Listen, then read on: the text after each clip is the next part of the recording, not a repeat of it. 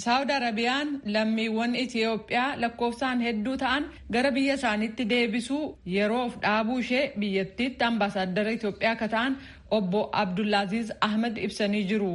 Haga xumura torban darbeetti baqattoonni kuma lamaaf dhibba saddeet caalan deebifamuu odeeffannoon adda addaa ibseera. Guyyaa muraasa dura hojii gara biyya isaaniitti deebisuu kana ituu hin dhaabin dura saawudiin daangaa yaman waliin qabdurraa guyyaatti lammiiwwan Itoophiyaa dhibba lama hanga dhibba sadii seenaa turan jedhameera. Weerara vaayirasichaa booda garuu lakkoofsi kun guyyaa guyyaatti dabalaa jira jedhan. Itoophiyaan lammiiwwan ishee lafa simattee keessu hanga qopheeffattutti yeroon akka kennamuuf waan gaafatteef yeroof dhaabachuusaa ambaasaaddarichi ibsaniiru. Ammayyuu weerara koronaa booda lammiiwwan Itoophiyaa kuma shan adda baafamanii waaltaa tokko keessa kaa'amanii jiru jedhameera.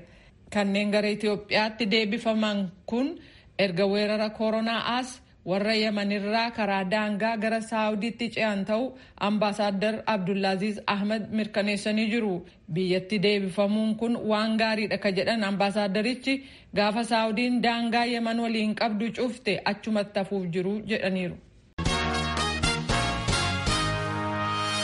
ቪኦኤ